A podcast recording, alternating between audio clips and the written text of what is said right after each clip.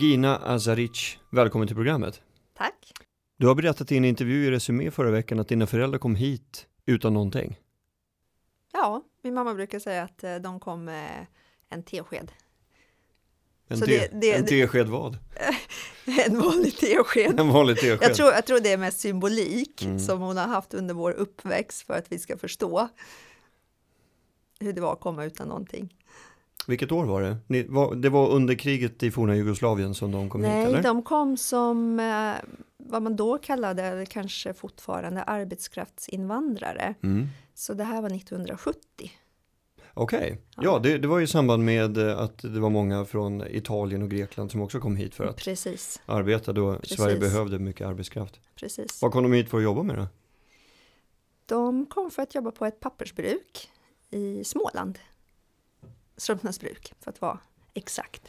Det är inte så många som känner till Strömsnäsbruk. Jag brukar säga Strömhultsbruk? Strömsnäsbruk. Strömsnäsbruk? Ja. Jag brukar Va- säga att E4 åker förbi där. Okej, plöjer genom landskapet. ja, ungefär. Men eh, det var där du växte upp eller? Jag växte upp där mina mm, första... Ja, jag kom ju hit när jag var två år, så jag bodde där i tio år tills jag blev tolv. Så Ja, ja, lades du- just det. bruket ner För du, du är född 68 i Bosnien. i Bosnien och de kom hit 1970 då alltså? Precis. Mm. Mm. Förlåt, du växte upp där då? Ja, Mm, det stämmer. just det. Och, och sen flyttade ni när bruket lades ner. Hur gammal var du då? Då var jag 12 och Mm. då flyttade vi till Halmstad. Över västkusten istället. Ja, jag, fick, eh, jag förstod att du hade studerat ryska. Ja, i Lund bland annat och även i Ryssland. Jag pluggade till civilekonom som det hette på den tiden.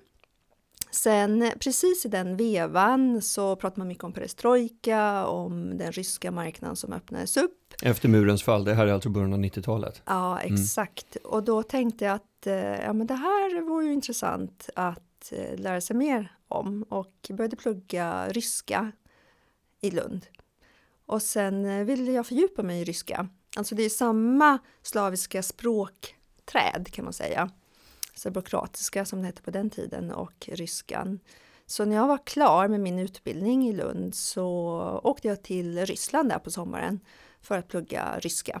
Vilket år var det här? Det här blir 91. Men då hamnade jag i en statskupp när man tog Gorbatjov och då ville man, eh, ja såklart, kändes lite osäkert och man tyckte att de som var utlänningar skulle åka därifrån. Så det blev inte så långvarigt. Det blev en sommar. Hur, vill du beskriva tiden i, i Ryssland när du var där 91? Det var ju en fantastisk upplevelse. Vi bodde med ryska studenter i Vladimir. Och ja, levde tillsammans med dem. Så det var studenter från Sverige och studenter från Frankrike. Va, var ligger Vladimir någonstans? Vladimir ligger ungefär, vad kan det vara, två och en halv timme norr om Moskva, skulle jag tro att det är. Mm.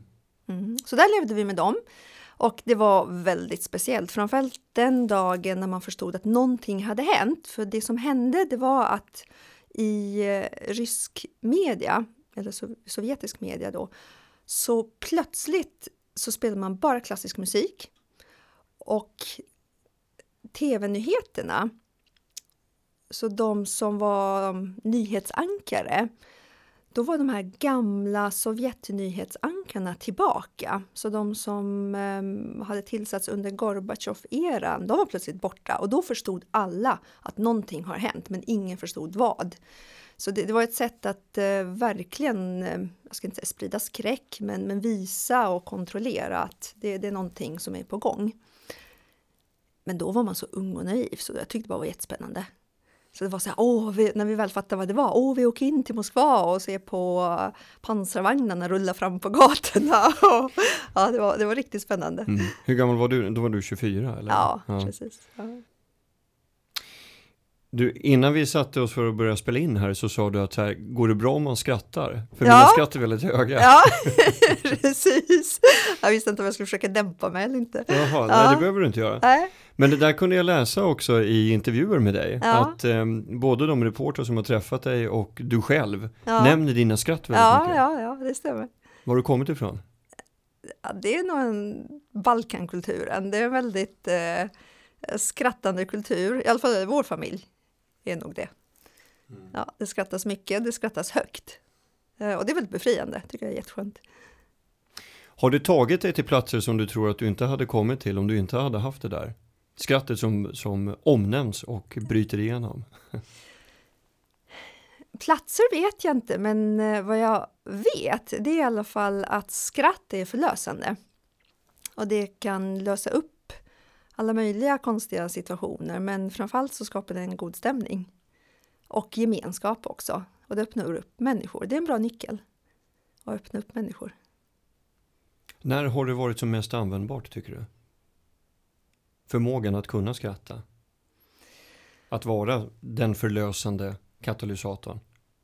Egentligen varje dag. Jag kommer precis hit från ehm, ett möte med konsumentledningen då som är min eh, lilla ledningsgrupp på jobbet.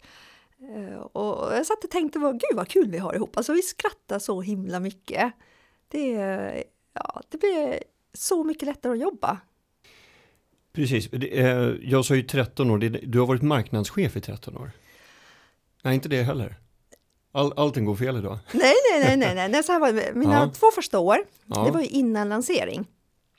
Så då jobbade jag, vilket var mitt uppdrag, att titta på vad vårt erbjudande skulle vara mot eh, konsumentmarknaden.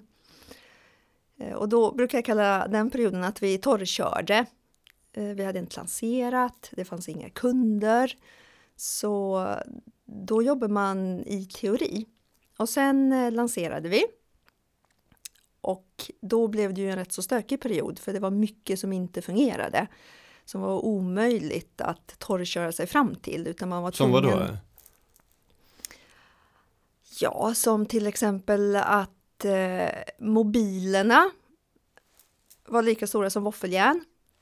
Och i vårt huvud så hade vi sån enorm övertro till att videosamtal, som var det stora nya med 3G, eh, skulle vara så attraktivt och hett så att man skulle ha överseende med att mobilen var lika stor som ett våffeljärn. Och då visar ju verkligheten, nej, det var kanske inte riktigt så hett och sexigt. Mm. Och då blev det ju bakslag där.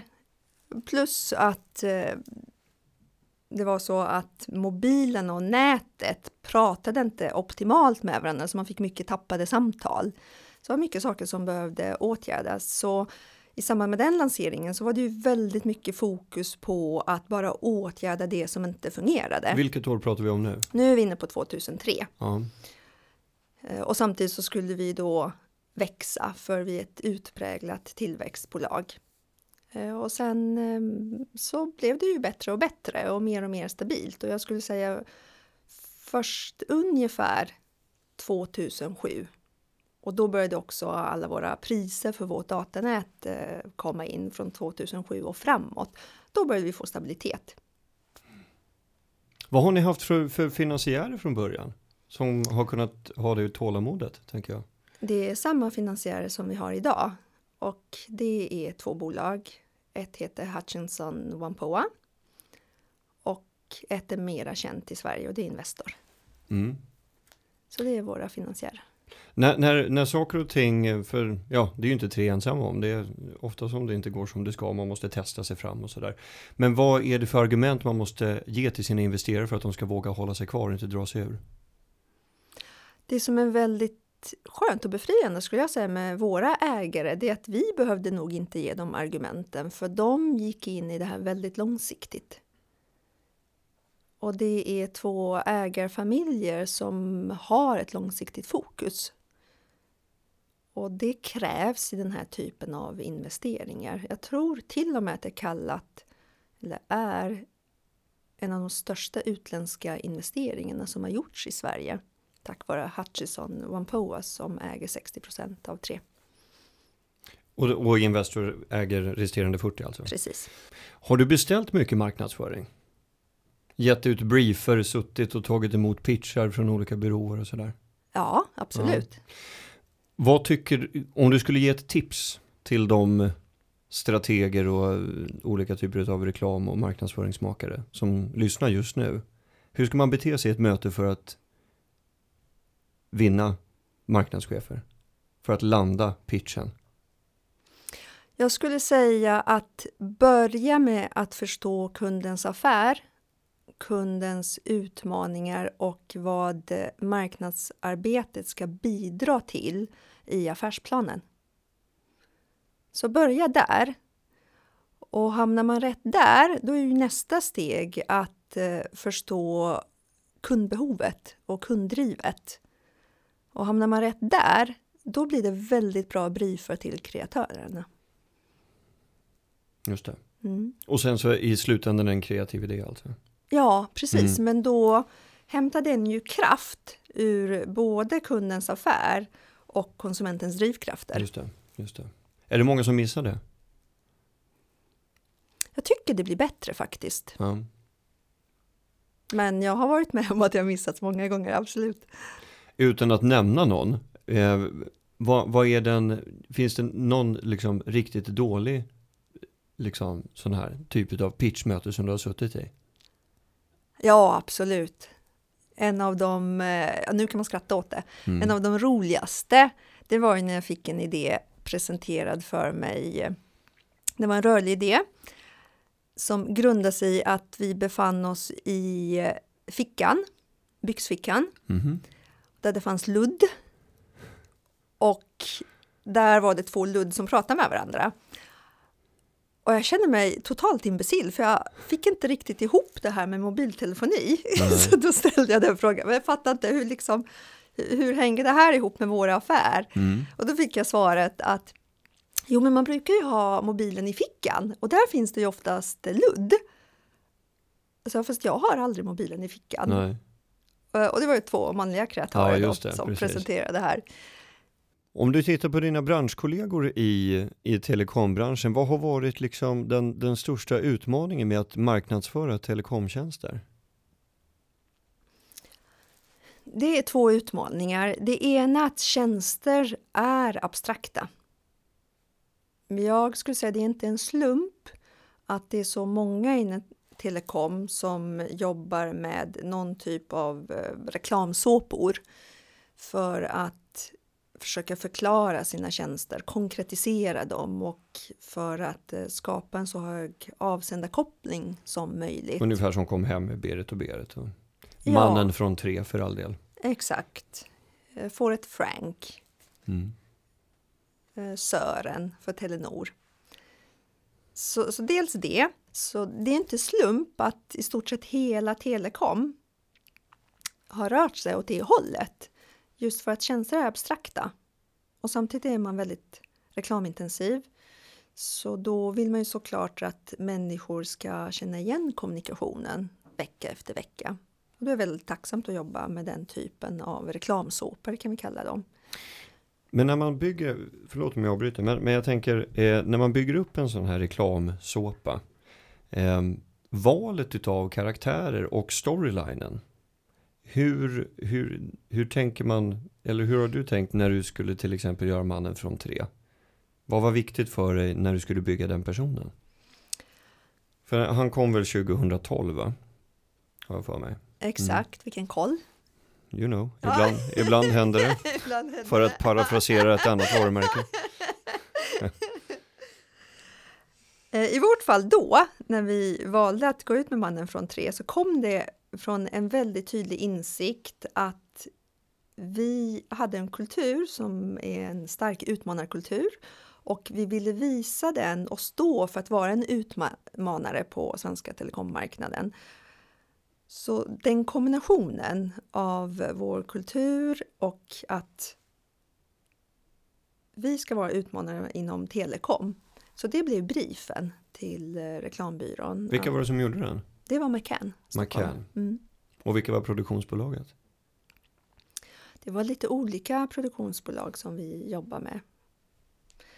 Men eh, utifrån det då så kom eh, det konceptet till. Så om man, om man tittar på eh, mannen från tre då i paritet med till exempel Sören och hans familj som företräder Telenor. Vad får ni för typ av kunder av att ha en James Bond-inspirerad ung kille kring 30 ser han väl ut att vara. Jämfört med kunderna. Delar ni upp segmenten då eller vad, vad kan ni se? Ja, det skulle jag säga. det så, det, det det, kan man. man se ett sånt enkelt samband? Att, Definitivt. Definitivt. Och det var också en av anledningarna till varför vi lämnade mannen från tre. För han hade gjort sitt jobb. Han var klar med sitt uppdrag. Så vi behövde bli bredare och tilltala en bredare bas för att kunna fortsätta vår tillväxtresa. Plus en annan superviktig sak. Och det var att den tonaliteten passade inte riktigt oss längre. Både utifrån att kulturen internt hade förändrats och i vår eh, tracking så såg vi att tonaliteten upplevdes eh, rätt så manlig och mycket eh, storstad och mycket adrenalinpåslag och puls. Eh, Medan vi ville tilltala en bredare bas och framförallt ha en mjukare och varmare tonalitet. varför då? Av två anledningar. Vår kultur är sån. Vi i själen så är vi fortfarande utmanare och kommer alltid vara det. Det är ett entreprenörsdrivet bolag och då behöver man den nerven. Men det är en väldigt varm, tillåtande kultur på tre och vi har en övertygelse om att varumärken ska vara transparenta. Så att varumärken ska byggas inifrån och ut så att för att få en total transparens. Mm. Men, men, men märkte ni att det blev en ändring i företagskulturen? Att medarbetarna betedde sig på ett annorlunda sätt och därför behövde ändra den externa kommunikationen? Jag skulle säga att vi har haft den här kulturen ett bra tag, men under den perioden när vi lanserade Mannen från tre så behövde vi en tydlighet ut mot marknaden att vi är utmanare. Så när den tydligheten var satt, då var det dags att gå över till nästa fas. Och det är det vi har gjort nu. Men är, är det så bra att eh, ägna tre och ett halvt år höll han väl på, eller tre år kanske, eh, att sätta en identitet? För det, det tar ju ett tag för folk att känna igen ett varumärke och sen byta den. Var det slut med pengar i segmentet eller? Jag skulle säga att det är inte slut med pengar, men däremot så ville vi bredda oss. Mm. Sen, och mot sen vilka då? då? mot en större del av Sverige. Ja. faktiskt enkelt uttryckt. Eh, Sen finns det en annan sak som vi också står för som eh, jag har berättat lite om tidigare. Och det är hela mångfaldstemat. Eh, vi har ungefär 30 olika språk som talas på tre.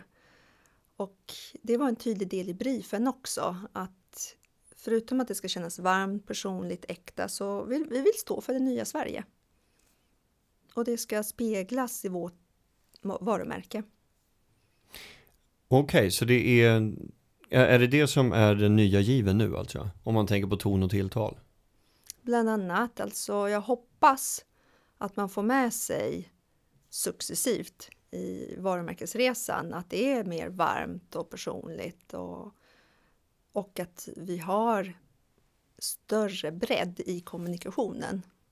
Och att man tittar mer på mångfald alltså? Att, Ja, man, exakt. att, man, att fler nationaliteter är representerade Ja. i den externa kommunikationen? Absolut. Ja. Hur, hur, tar, hur tar det sig uttryck då? Hur, hur rent konkret skulle du säga att man kan marknadsföra telekomtjänster mot en bredare publik om man har kommit från där ni kommer ifrån? Hur kan det se ut i print eller i sociala medier eller? Ja, dels i form av att man speglar människor. Från, eh, det kan vara olika kulturer, det kan vara olika åldrar. Eh, vi har ju ett jättefint exempel där vi till exempel släpper musiken fri på äldreboenden runt om i Sverige. Där vi bjuder eh, äldreboenden på en musikanläggning och fri streaming på musiktjänster. Och en musik, musiktjänst också. Det är också en form av mångfald. Så mångfald tar sig många olika uttryck. Det är ju inte bara det här klassiska att man är från olika kulturer. Nu har vi precis släppt något som vi kallar Musikkompis.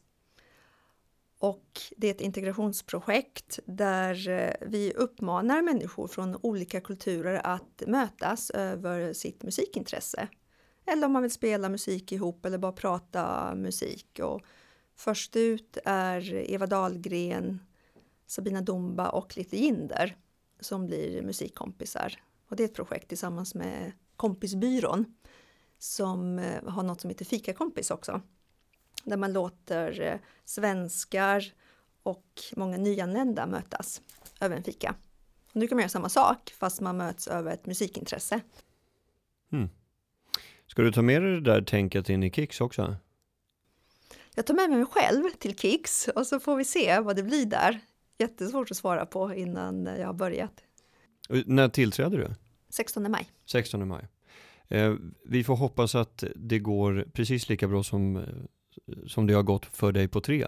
Stort tack eh, Gina Saric för att du ville vara med i Kommunikationspodden. Ja men tack själv och fint uttal av efternamnet. tack för det. Tackar för det.